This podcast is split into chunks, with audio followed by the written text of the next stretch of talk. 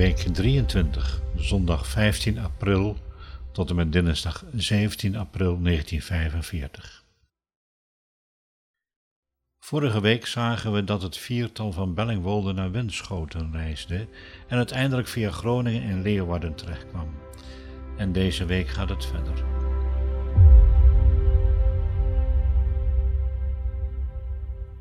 Ons doel voor vandaag is Sneek. Bij de gaarkeuken krijgen we wat te eten. In Sneek is geen Duitser te zien. We horen dat die gisteren allemaal gevlucht zijn. Sneek kan als bevrijd worden beschouwd. Geallieerden zijn nog niet gezien. We vragen aan de vrouwen die in de gaarkeuken werken naar de kortste en veiligste route naar Lemmer. Het is zeker nog een kilometer of dertig, vertellen ze ons. Zes uur lopen, minstens. Even buiten Sneek vinden we in een weiland een lege schuur. Dat wordt onze slaapplaats voor deze nacht. Zes uur was optimistisch gedacht van mij. Het worden negen uren. Het begint al donker te worden als we in Lemmer aankomen, veilig en wel. Urk is nu niet ver meer. Aan de rand van Lemmer lopen we het erf op van een grote boerderij. De boer kijkt ons taxerend aan. Lup neemt het woord en vraagt voor één nacht onderdak. Wie zijn jullie? Het klinkt niet bepaald vriendelijk. Lup zegt: We zijn op weg naar Urk, onze woonplaats. We zijn ontsnapt uit een Duits werkkamp. Het is maar voor één nacht. Morgen vroeg gaan we weer verder. Argwanend neemt hij ons op. Ontsnapte gevangenen, hè? Hij wrijft over zijn stoppelige kin. En jullie durven zomaar onderdak te vragen. Zonder dat jullie aan de veiligheid van een ander denken. Wat denk je wat er met mij gebeurt als de Duitsers jullie bij mij vinden? Nou? We halen onze schouders op. We hebben er al lang spijt van dat we hier aangeklopt hebben. Jullie brengen mijn leven in gevaar. Als de moffen jullie onder mijn dak vinden, wordt mijn kostbare vee verbeurd verklaard en kost het mij mijn kop. Met een klap wordt de deur dicht gedaan, afgewezen door een landgenoot. Een man komt op ons af. Deze landgenoot heeft goede bedoelingen en vertelt dat hij visserman is. Hij heeft in de gaten dat we onderdak zoeken. Hij brengt ons naar zijn boot. Daar kunnen we de nacht doorbrengen. Als we vertellen dat we uit Urk komen, is het helemaal goed. Dankbaar aanvaarden we zijn vriendelijke aanbod. We schrikken wakker. Harde stemmen klinken vanaf het water en de walkant. Geweerschoten klinken en we horen een scheepsvlaag. Frans neemt voorzichtig een kijkje, maar het trekt zich heel snel terug. Duitsers, allemaal Duitsers. In de haven liggen schepen en de kade staat helemaal vol soldaten. Wat zou er aan de hand zijn? In spanning wachten we af. De boot deint behoorlijk heen en weer. Het lijkt erop dat er schepen door de haven varen. Het heeft er alles van weg dat de Duitsers met schepen Lemmer ontvluchten. Weer neemt Frans een kijkje. Er is niemand meer te zien. Hij heeft dit nog maar nauwelijks gezegd of een enorme knal verbreekt de stilte. We duiken in elkaar van schrik. Deze knal wordt gevolgd door vele andere. Het is een oorverdovend lawaai. Projectielen belanden op de kade, maar ook in het water, waardoor onze boot hevig heen en weer schudt. Schel fluitend vliegen de granaten over ons heen. Meteen gevolgd door een harde knal als de granaat ergens inslaat. Dof gerommel klinkt op het dek. Granaatscherven teisteren onze boot.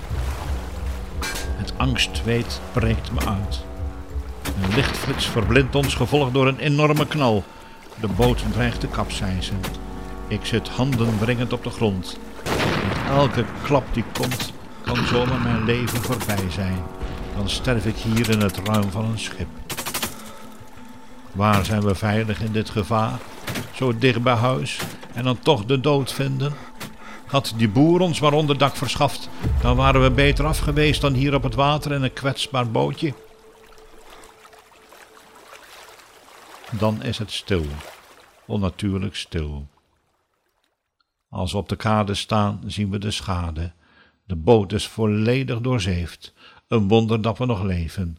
Diverse branden woeden. We blijven niet in de boot, we gaan weer op pad.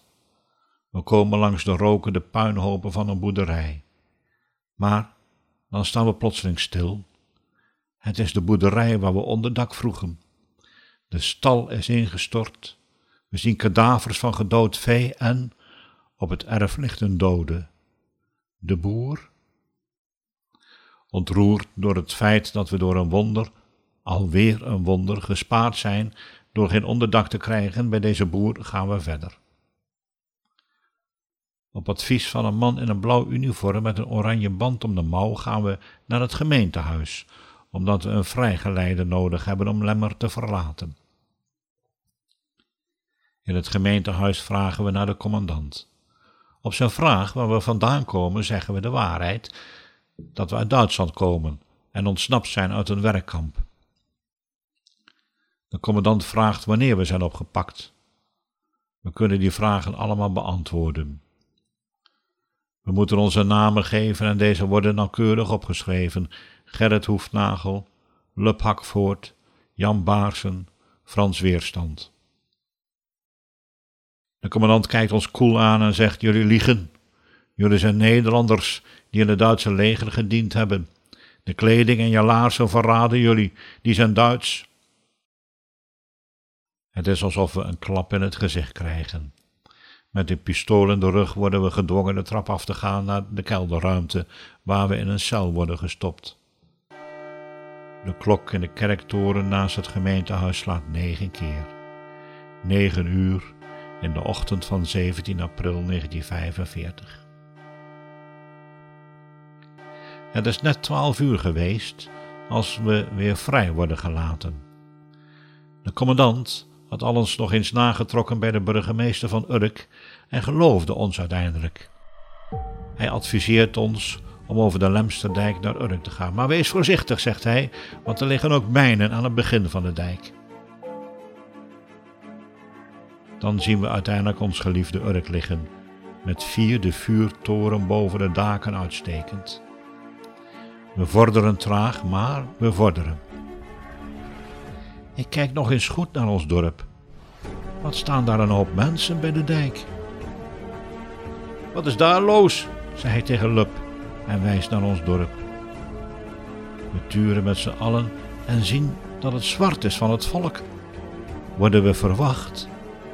Dat kan toch niet?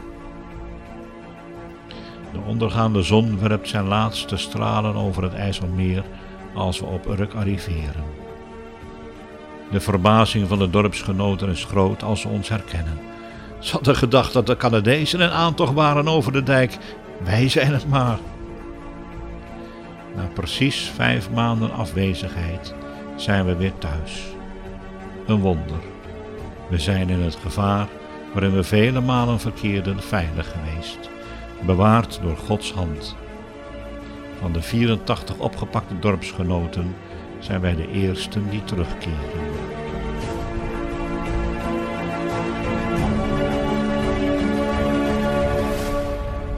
Hier eindigt het verhaal over de polderrassia.